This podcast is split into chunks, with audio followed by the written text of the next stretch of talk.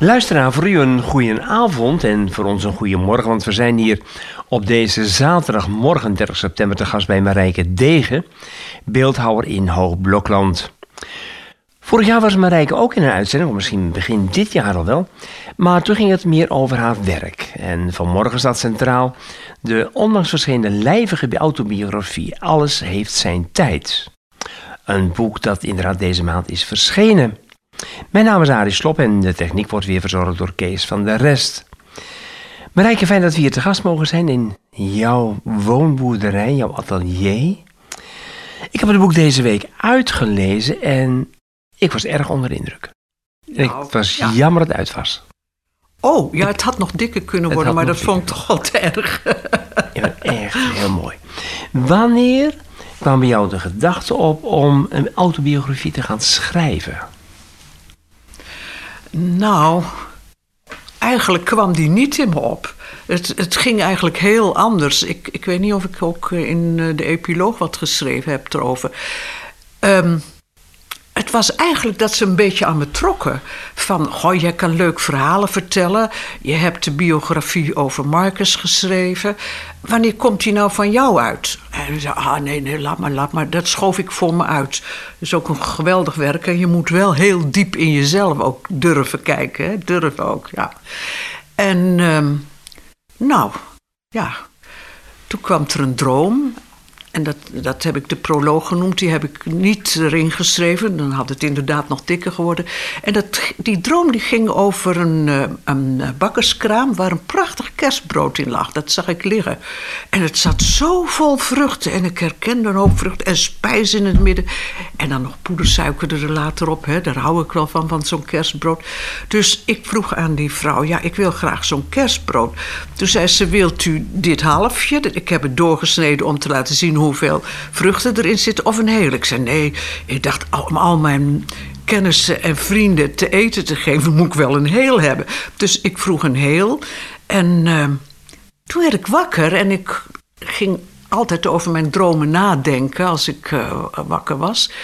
En toen dacht ik, brood, dat, heeft een dat is een teken van leven, van, van spijs. En al die vruchten, vruchten van de arbeid. Oh, dat is eigenlijk een verschrikkelijk mooie droom. Die zet me eigenlijk aan om te gaan schrijven.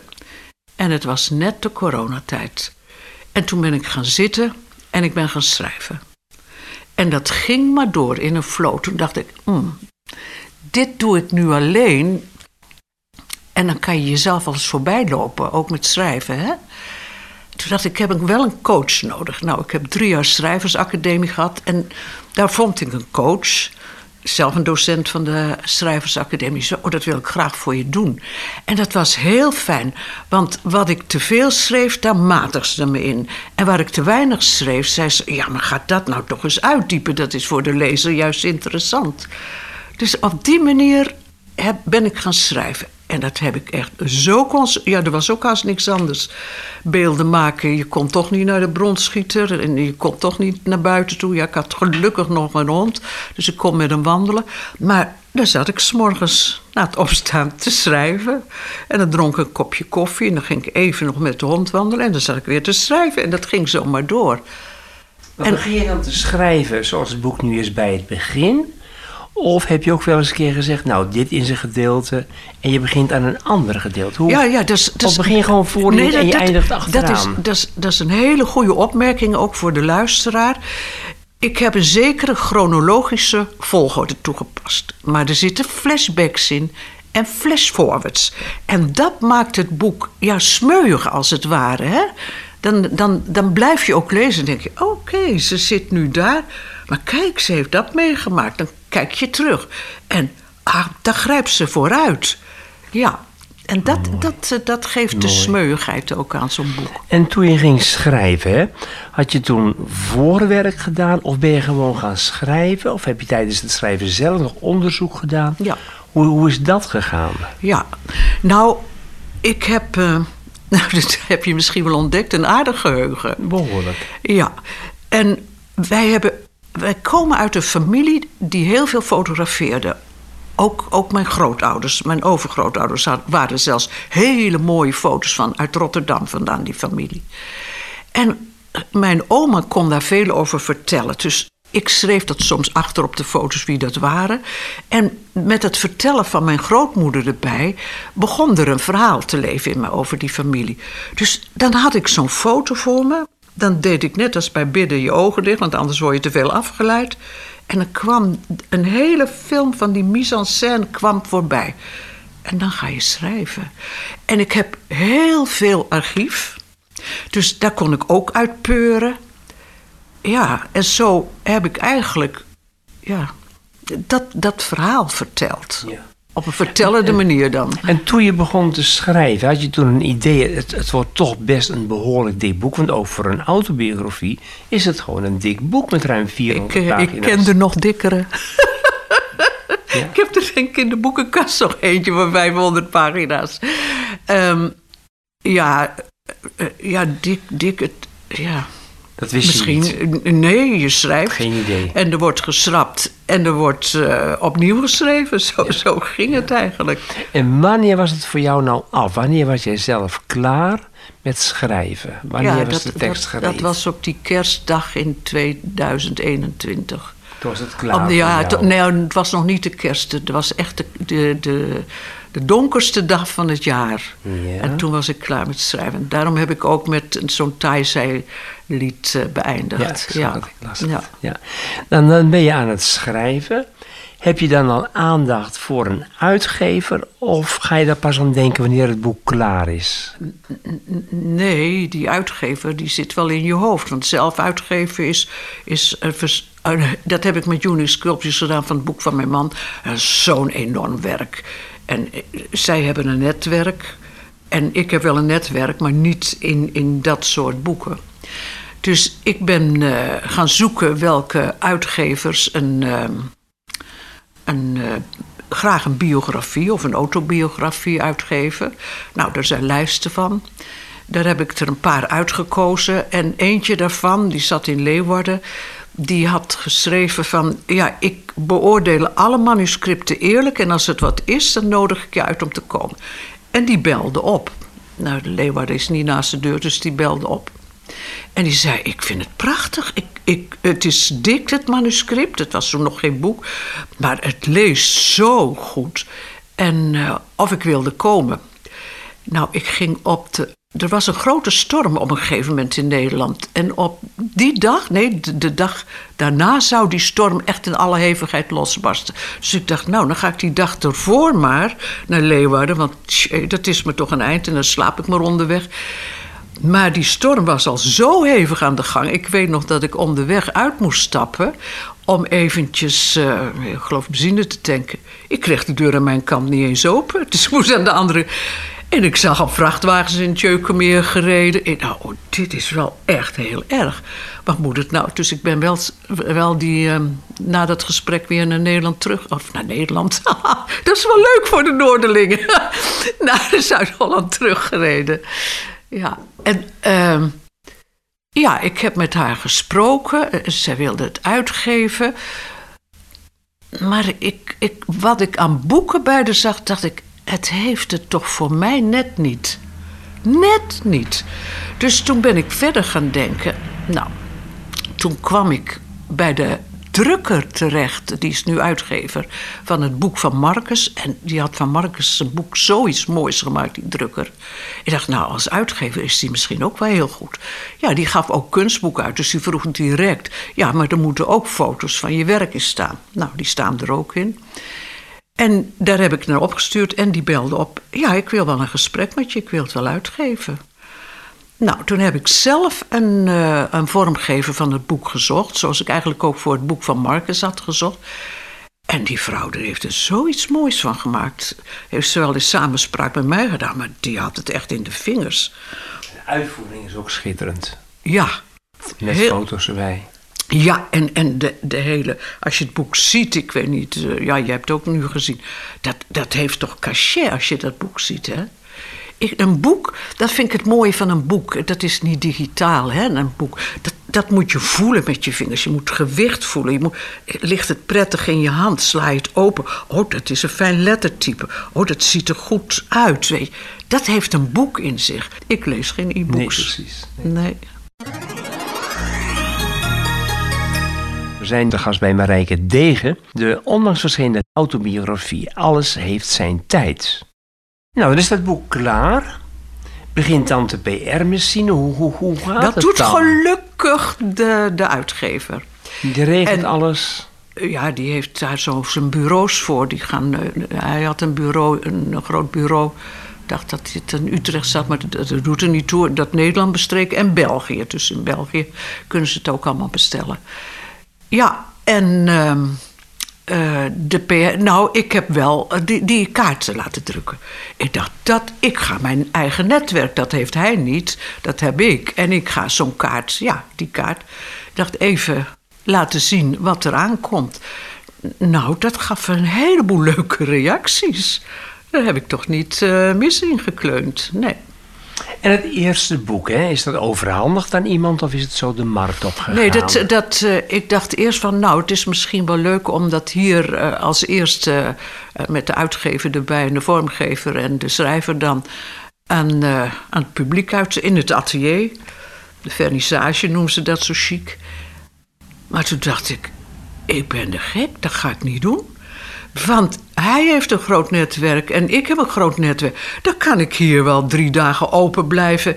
En gezellig allemaal hapjes en drankjes en glaasjes schenken. En ik verkoop misschien 15 boeken. Daar had ik nou helemaal geen zin in. Ik dacht, ik doe het zo. En dan is het goed. En dan krijg je dat eerste exemplaar in handen, hè? Een, een exemplaar. Wat doet het dan met je, na, na Veel. toch zoveel jaar eraan Veel. gewerkt hebben? Nou, het, was, het zou eerst eind oktober klaar zijn, maar de drukker die heeft er kennelijk vaart op gezet. Of hij had tijd genoeg, dat kan natuurlijk ook. En het was al eh, in- eind september eh, bij de uitgever. Hij zei, ja, ik heb het eigenlijk al. Nou, toen heb ik, eh, heb ik dat allemaal snel verstuurd. Met mooi postzegel erop, want ik vind altijd een kaart krijgen of een brief krijgen met een mooie postzegel nog heel veel leuker dan een mail. Nou, dus dat wetend. En ehm uitgever zei: Marijke, ik laat je niet wachten. Ik stuur per post eentje toe. Dan heb je het alvast. Hij zou er een aantal die ik altijd krijg ook sturen, maar dat. En toen pak je het uit met bibbers. Boem, boem, boem, boem, boem, ga je hart dan, hè? En ik dacht: Oh, wat is dit mooi geworden. Uitgever gebeld. Hij zei: Ja, ik vond het ook prachtig. Leuk, hè? Ja. Erg mooi. Ja. En hoeveel exemplaren worden er dan van gedrukt in eerste instantie? Weet je dat? Eh, ik dacht 500, maar dat, dat weet ik niet. Die, eh, eh, levensverhalen worden er nooit heel veel van gedrukt. Er kan altijd een tweede druk komen als het uitverkocht is. Ja. Daardoor is het misschien een vrij duur boek, of niet? Het is helemaal geen duur boek. Ja, ik- voor wat er aan foto's in Ja. staat en eh, de dikte en hoe het gemaakt is, is eigenlijk spotgoedkoop. Dat, het boek van Marcus was toen de tijd in de boekhandel 62,5 euro. Dat was duurder inderdaad, ja. Dat heb Ja. ik ook, ja, dat klopt. En word je dan op de hoogte gehouden van de verkoop van het aantal boeken? Ja, aan het eind van de maand geloof ik, nou ja, of kwartaal, dat weet ik niet, hebben uitgevers zo'n richtlijn voor, eh, wordt er afgerekend. Mooi toch? Ja, maar ik moet er wel heel veel van verkopen, wil ik enigszins. Enigszins erin komen Ja, van hebben. ja. Maar goed, daar heb je het ook niet voor gedaan. Hè? Daar heb je het ook niet voor gedaan. Ik denk dat geen auteur schrijft om, om het geld. Nee, precies, precies, Ja. precies. En een ander ding, hè, dan, dan, dan ligt het boek daar en word je dan gevraagd om in een winkel te signeren. Krijg je uitnodigingen voor interviews zoals dit voor Klokradio. Ja, ja, ik heb Wat dus- gebeurt er dan? Ehm, nou, zo'n interview voor eh, de radio kreeg ik eerst van... Nee, eerst, eerst kreeg ik dat uit de landen. En toen kreeg ik het van jou. Toen dacht ik, nou, dat moet je aannemen. Dat is natuurlijk heel leuk. Dan horen veel meer mensen... mensen die onder andere geen aankondiging hebben gehad... horen dan van dat boek. En dat kunnen ze altijd bestellen in de boekhandel. Of, of bij de Bruna ligt er al een hele stapel, zag ik. Maar ook landelijk is er dus belangstelling voor bij de media. Ja, ja, ja. Landelijk belangstelling. En eh, een, een krantenartikel, dat was wel leuk in contact. Nou, de andere kranten hebben nog niet gereageerd. En ehm, ja, ja. Bij Rasha kreeg ik uitnodiging van uh, twee boekhandels om daar te signeren. Maar dat heb ik nu niet gehad nog. Nee, nee.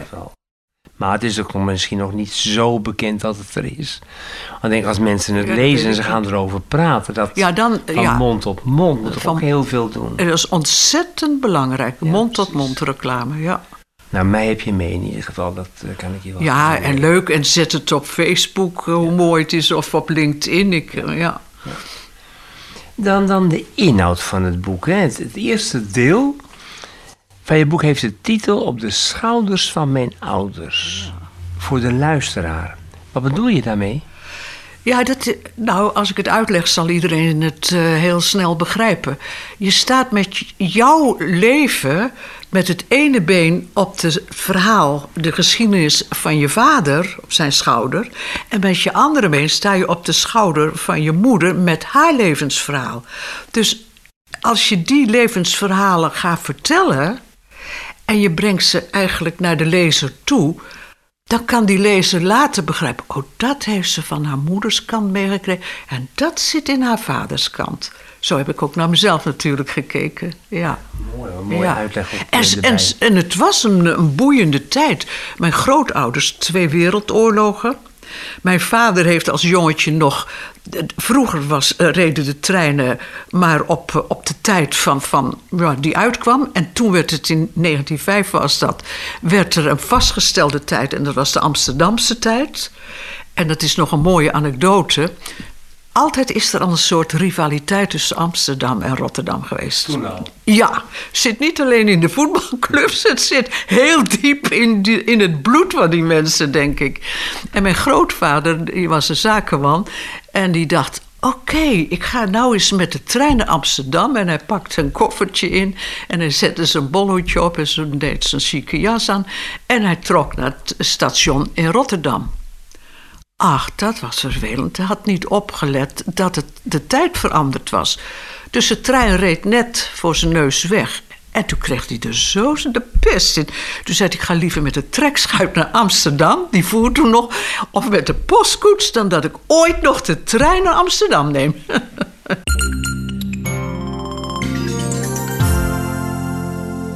In de indeling van het boek staat de periode van het spelende en het zorgende kind. Hoe, hoe zou je die periode willen samenvatten voor jou? Ja, dat was in, in mijn jeugd dus. Hè? Ehm, ik, heb een, ik heb een blije jeugd gehad en een hele zorgvolle jeugd. Beide, ja. Ook door het vroeg overlijden van je moeder? Ja, dat heeft als een rode draad in mijn leven meegespeeld. Wat je als kind niet echt weet, maar later komt dat er wel uit. Ja, maar uh, ik heb een goede tweede moeder gehad, zeker. Maar uh, ja, er kwamen ook zorgen thuis op een gegeven moment. En die zorgen voelde ik, ben een sensitief mens en die zorgen voelde ik heel erg. Heel erg zelfs. Maar de mensen moeten het boek maar lezen om de juiste toedracht te weten. Ja. En de werkloosheid van je vader, heeft die ook een grote indruk gemaakt en een grote impact op het gezin? Toen was er heel weinig geld. Heel weinig geld. Ja. Ja, toen werd niet. Eh, we hadden toen nog centen en uh, stuivers, maar de centen werden echt omgedraaid. Ja, ja. En dat uh, maakte mij een zorgvol kind. Ik ging meedenken. Ja. En dan het, het, tweede deel in het boek heeft betrekking op. Ja, je, je tienertijd. Hè? Je, je noemt die eenzaam en, en verlangend. Hoe, hoe kwam die eenzaamheid nou in het gezin en ja, welk verlangen ontstond er? Nou, die. Ja, misschien dat ik toch anders was. Ik heb vaak gehoord van mensen dat ik toch wel anders was. En hoe anders? Ja, ik. Het leek wel of ik soms wat verder was dan de anderen in, in gevoelens en, en in denken. En uh, ja, ik kon tekenen, dat konden de anderen niet. Tenminste, ja, er was één jongetje op de lagere school die kon ook goed tekenen, maar dat was meer technisch tekenen. Uh, ja, je verla ik denk dat ieder mens van binnen een eenzaamheid heeft. Dat denk ik dat ieder mens dat wel heeft. En die eenzaamheid wil graag opgelost worden in een verlangen. naar dat wat er op dat moment niet is. En dat verlangen was bij mij naar schoonheid en iemand die, die daar dichtbij was. Ja. Je sprong er als het ware uit, hè, op school Ja. ook. Ja, dat, dat denk ik, ja. Je was bijzonder, om welke reden dan ook. Voor, voor de andere leerlingen was je wel bijzonder. Ja, sommigen zeiden dat ook wel tegen me. Ja. Ja. En ja, dat is heel moeilijk om het over jezelf te zeggen. Ik, ik heb schrijvend heb ik eigenlijk neergelegd hoe ik me voelde. Dus daar kan iemand uit destilleren hoe het allemaal was in mijn omgeving. Ja, ik keek. Nou, misschien ook wat ik in mijn kunstwerken heb, in mijn beelden. Daar zijn kunsthistorica's over. Bij haar zit, is het niet alleen het beeld wat je ziet, maar er zit een gelaagdheid onder. En zo is het ook met mijn schrijven, denk ik. Er zit een gelaagdheid in. Ja. Dat heb je vanuit jezelf? ja. Of, of leer je jezelf dat aan? Hoe ontstaat die gelaagdheid dan? Hoe komt nee, dat, dat, dat krijg je mee. Dat heb je. Dat krijg je mee. Dat heb je ja. in je. Net als, dat zit misschien in het kunstenaarschap, dat weet ik niet bij anderen. Maar dat heb ik ook meegekregen. Dat krijg je in de wieg mee.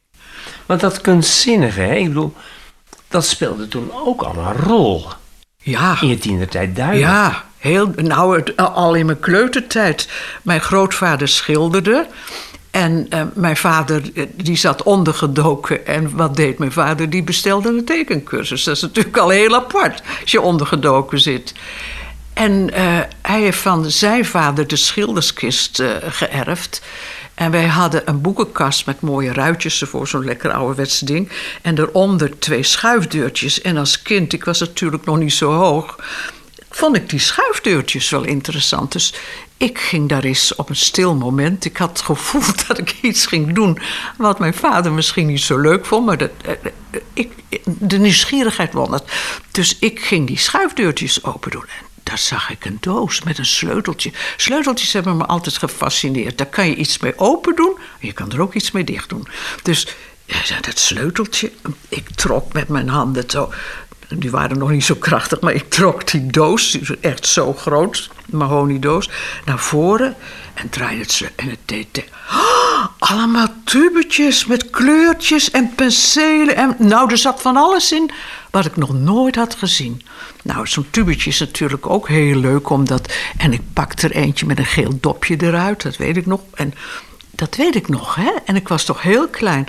En ik haalde dat schroefdopje eraf. Dat ging niet zo makkelijk, maar ik hield vol. En kneep erin. Oh, dan kwam er zomaar een geel ding uit. Nou, Nou, dat heb ik toch maar afgeveegd met een lapje wat erin lag. Maar toen kwam mijn vader thuis. En, die, en ik heb het heel snel teruggemoffeld. En ik had echt het gevoel, ik mag dat niet doen. Maar hij had het door, want ik had het aan mijn neus zitten. De verf zat aan mijn neus. Nou, ja. bijzonder dat je dat dan toch herinnert. Ik herinner me, de verste herinnering van- gaat terug van mij toen ik, was ik denk ik twee, tweeënhalf, toen kreeg ik paratyfus vlak na de dood van mijn moeder. En ik was echt aan het doodgaan. Toen was je erg ziek. Ongelooflijk. Dat is een besmettelijke ziekte van de darmen, paratyfus. Ik hield niks in, ik kotste alles uit en Everhard ging het van onderen eruit. Hoge koorts. Ja, en mijn grootmoeder, die in huis was, met haar schoonzus, die zaten te waken. En ze ik, dit weet ik nog. Ze zaten naast mijn bed, twee dames in het zwart gekleed. Oma kende ik natuurlijk beter dan tante Jantje. En oma die wilde me op een labeltje iets in mijn mond geven. En ik weigerde. Dat weet ik nog goed, ik weigerde. En toen stond oma op. Die ging naar de kast waar ik het uitzicht op had. Die deed die open en pakte een gouden busje. En dat gouden busje vond ik wel interessant. Daarin zaten de zoute bolletjes van de kroes. Ze pakte een zoute bolletje eruit, gaf me dat. Ik schrapte dat langs mijn tandjes. En dat vond ik lekker. En dat, daar begon ik weer door te eten en kreeg zout binnen. Nou, de zoute bollen, de, bakker is overleden. Jezus, die heeft zijn recept meegenomen in zijn graf. Want de zoute bolletjes die er nu zijn, smaken in geheel niet naar die bolletjes van toen. ja, wat toch ook wel een, een rode draad in jouw leven is geweest uiteindelijk, is toch de, de ontmoeting met Marcus. Hè? Ja, dat was de Dat was ontmoeting. natuurlijk heel Ja, bijzonder. Ja, En je noemt dat in je boek de, de periode van, ja, gezel en meester. Kun je daar wat, wat meer over zeggen? Ja, nou, ik, mijn, dat, dat was fijn dat mijn ouders het zagen, want niet alle ouders zagen dat. De ouders van mijn eigen moeder, die negeerden eigenlijk dat ze zo'n prachtige zangstem had. En die mocht niet naar de muziekschool. Dat, dat moet vreselijk voor haar geweest zijn. Mijn ouders zagen dat ik goed tekende. En eh, die dachten, die moet meer les hebben. Nou, dat is toch fantastisch. Ja, wat was er in Gorkum? De oude heer Ravenswaai. Dus we gingen naar het tentoonstelling, mijn vader en ik. En de, de oude heer Ravenswaai zei... nee, ik geef geen les, maar mijn zoon Marcus doet dat. Toen dacht ik, ja, maar die is beeldhouwer en ik wil niet beeldhouwen. En op dat moment stond Marcus in de deuropening. Toen wat een grote vent is dat. Nou, jij hebt Marcus ook gekend. Ik dacht, ah... En eh, toen zei hij, ja, ik wilde wel lesgeven. Maar ik kwam ik met een klein stem. Ja, maar ik wil schilderen leren en de techniek van tekenen goed. Toen zei hij, ja, maar daar heb ik ook een akte voor. Ah. Nou, toen werd mijn wereld opengebroken. Maar toen kreeg ik les en Marcus die, die zag zo wat ik schilderde en wat ik tekende. Toen zei hij, jij kan zo ruimtelijk denken. Hier heb je eens klei, ga eens proberen wat in klei. Een beeldhouwer denkt ruimtelijk, hè, driedimensionaal. En dat was het. Dat was het voor me. Geweldig, geweldig. Geen idee dat je dat in je had, dat het zo nee, mooi klein zijn. niet. Tekenen wel, dat voelde ik wel. En oh, de schoolagendas moest ik in school ook altijd... eh, Ik ken nog iemand, of die sprak ik niet zo lang geleden... eh, van de HBS en die zei... ja, jij kon altijd goed tekenen. De agendas stonden vol met jouw tekening. Werd zo onder me geschoven en dan vergat ik wel eens op te letten. En dan zat ik weer wat te tekenen voor diegene. Ja, nou, daar heb ik een tijd les gehad. In, in klei. Maar ja, toen kwam het eind van de HBS. En toen moest er een keuze gemaakt worden. En ik, ja, dat was toch wel in het artistieke vak wilde ik verder. Maar toen was net die omwenteling in de kunst aan de gang. Nou, ik schrijf er uitgebreid over in eh, mijn boek. En om nou mijn ouders, die toen echt nog niet breed hadden, te laten betalen voor een opleiding die eigenlijk nauwelijks eh, ja, goed les gaf, laat ik het zo noemen, echt terdege les gaf. Dat eh, vond ik erg moeilijk. Toen dacht ik, nou, dan moet ik maar, eh, als je van de HBS komt, tenminste, ah, dan heb je toch ook veel voor kantoor gedaan. Hè? Je, kan, je kan behoorlijk wat administratieve dingen. Dacht, nou, dan ga ik maar een, een baan voor halve dagen. Nou, nee, eerst hele dagen. Ik ben eerst hele dagen gaan werken. En in de avonduren kon ik dan het lessen doorzetten. Daar kon ik dat keurig allemaal van betalen. Maar ja, dat, ik, ik hield dat niet vol, zeg. In die boeken bijschrijven en op kasten korte letten. En dat, nee, dat was. Na drie jaar was ik het echt zo zat. En toen ben ik voor halve dagen weg. En toen zei Marcus van ze mag tegen mijn ouders en mij natuurlijk.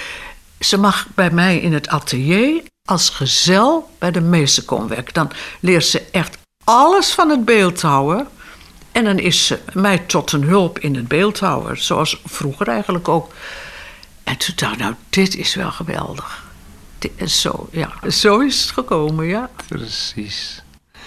Een ander onderdeel in het boek wat me erg aansprak is de tijd die je in Israël bent geweest. Ja, Israël heeft een hele grote indruk op je gemaakt, hè? ik wilde helemaal nog niet naar Israël. ik dacht, ik ken dat land al vanuit de Bijbel. Ik ben behoorlijk bijbelvast. En dat land heb ik zo al in me opgenomen. Een beeld van, daar hoef ik niet heen. Maar ja, dat was wel een, het was een must dat ik wegging. En dat wilde ik ook. En dat kreeg ik echt van boven gegeven. Toen dacht ik, nou, een uitnodiging om in een museum daar te werken. Toen dacht ik, nou, ik ga het doen. Nou, het was een enorme stap. Een hele emotionele stap ook. En ik ben gegaan. En ik heb daar. Uh, ja, dat is wel een heel belangrijke periode in mijn leven geweest, Israël. Ja, Nou, dan moeten de mensen het boek maar voorlezen. Zo is het. belangrijk. En zeker toen Marcus naar ja, Israël kwam. Ja, ja. Ook heel bijzonder ja, om te lezen. Ja. Ja. Nou is het ehm 1 oktober, is het Israëlzondag. En je bent ook kerkelijk meelevend. En je hoort ook steeds meer dat de Israëlzondag toch wel onder druk staat in kerken. Nou, dat- daar begrijp ik wel iets van als je aan het bewind denkt wat nu in Israël is. Hè? Dat, dat, is eh, dat vind ik beangstigend hoor, zo'n Ja, man. ja. Dus Zo'n man en, zo, en zoveel mensen die hem nog volgen ook. ja, ja. Maar toen ik daar was, en Marcus ook, die heeft opgekomen en die zei... als de Joden geen gemeenschappelijke vijand hebben, dan gaan ze met elkaar vechten. Nou, dat zie je nu. Ja, Ja, ze hebben nog steeds een enorme gemeenschappelijke Nogal. vijand. Maar dan denk ik, oh, waarom toch? Hè? Ja. Wanneer je het boek leest, dan, dan zie je en beleef je zelf ook hoe jullie samen toch hebben genoten van het leven. En als het ware, ja, laat ik het zo zeggen, eruit gehaald wat erin zat op dat moment voor jullie samen. En dan, dan overlijdt eh, Marcus, zo- zo'n twintig jaar geleden. Wat betekende die omkeer voor jou? Nou, dat was. eh, ja, toen kwam er een. Voor die tijd al merkte ik dat Marcus ging verliezen. Toen kwam er enorm verdriet in me los. En het bleek dat ik nog geen afscheid van mijn eigen moeder had genomen. Dus ik ben met dat verdriet ook naar een psycholoog gegaan. Ik dacht, dit kan ik niet behappen. Ik weet niet waarom ik zo'n vreselijk verdriet heb. Marcus leefde nog, maar ik voelde gewoon... Ik ga, ja, ik ga binnenkort... Is hij er niet meer. En die psycholoog haalde door middel van mijn dromen, ik, ik ben een groot dromer, en die haalde boven dat ik mijn eigen moeder nog moest begraven. Dus dat heb ik gedaan op het kerkhof in een soort gebedsvorm, want dat is moeilijk, je eigen moeder begraven terwijl ze al begraven ligt. Hè? En dat gaf lucht bij me. Maar eh, Marcus ging ik verliezen en dat was in 2003. En niemand heeft ooit een vinger erachter kunnen komen waaraan die is overleden. Het waren in ieder geval koortsaanvallen die, die hem echt gesloopt hebben. Helemaal gesloopt. En toen stond ik alleen. Nou, dat is vreemd hoor. Je kan niet terug naar je meisjes zijn, je kan niet terug naar je tienertijd. Dat leven van met je man samen is over. Ik moest helemaal opnieuw beginnen. Nou, dat doe je met hele kleine stapjes vooruit. Heel veel vrienden. Er gingen ook vrienden weg hoor. Die, maar er kwamen ook vrienden bij. En eh, zo heb ik stapje voor stapje het leven weer teruggevonden. Ja. Want zijn laatste beeld is het eh, beeld van, van Maarten Schakel geweest hè, in Noordeloos. Toen stond hij daar al bij de onthulling door vannacht. Stond hij naast vannacht en ik dacht... oh, hij krijgt straks weer zo'n koortsaanval. Nou, we gingen nog naar binnen en ik moest heel snel naar huis... want hij kreeg weer zo'n vreselijke aanval. En dat was echt eh, heftig. Ik, Ja. ik was erbij en toen kon je al zien dat, dat er iets niet goed was. nee, hè? er was... Nee, nee. Een vertekend gezicht Ja, zoals je het kende. koortsaanvallen, eh, die culmineerden. Het begon heel voorzichtig en dan waren er drie maanden tussen... en toen twee maanden tussen, toen een maand tussen... en toen kwam het bijna, nou, ja, om de veertien dagen. Ja. Toen, toen Marcus overleed, was er toen werk wat nog niet klaar was? Ja, dat, dat was er ook. En dat kon ik op, afmaken voor hem. Ja. Dat kon je overnemen als het ware. Ja, dat wel. Dat, dat heb ik met de opdrachtgevers natuurlijk wel besproken. Maar nee, dat is goed gekomen.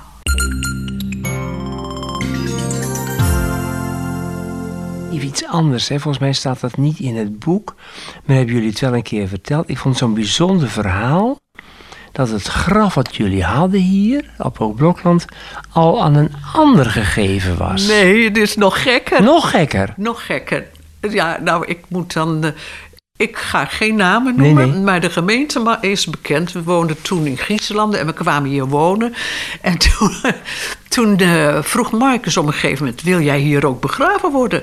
Want het familiegraf in Schorkum is eh, vol. Toen zei ik: Joh, we wonen hier net en ik ben nog vol levenslust en jij ook. Daar- denk ik nog niet aan. Nou, zegt hij, maar je kan maar vast er eens aan denken. Nou, ik zal wel bij de gemeentes informeren, zo ging dat. Nou, de gemeente was zeer te willen. Ja, nee, natuurlijk kan dat, mevrouw. En we sturen wel een ambtenaar. Aardige man stond op de stoep en die ging mee naar dat kerkhof. Nou, dat is niet, of kerkhof, het is een uh, begraafplaats, geen kerkhof. Begraafplaats, nou, het munt niet uit door schoonheid, dus, maar oké, het was dicht bij, bij je huis. Dus de rouwende kon makkelijk daar naartoe lopen. En uh, wij zochten een plek uit. We kregen keurig een brief thuis met rekening, dat nummer, die regelgeving, hupsakee, de, zoveel geld. Nou, het was heel veel goedkoper dan in Gorkum, dus dat was een meevaller. Keurig. Toen kregen we zo ongeveer, zal een jaar later zijn geweest, een brief dat we toch weer opnieuw een graf moesten uitzoeken. Want de, de begraafplaats ging op de schop. Dat vonden we wel een hele rare uitdrukking. Maar er moest het nodige aan veranderd worden. En dat was ook echt wel waar, ja.